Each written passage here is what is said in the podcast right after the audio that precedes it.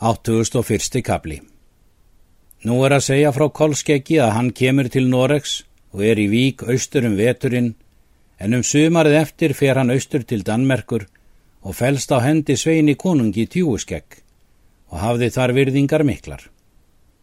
Eina hverja nótt reymir hann að maður kom að honum, sá var ljós og þótti honum hann vekja sig. Hann mælti við hann.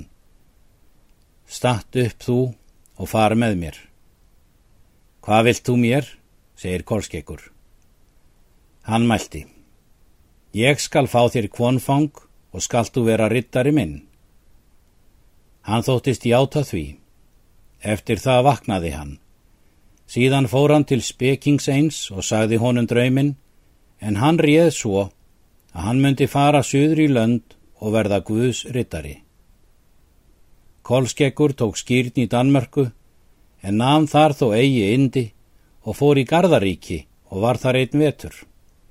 Þá fór hann þaðan út í Miklagarð og gekk þar á mála.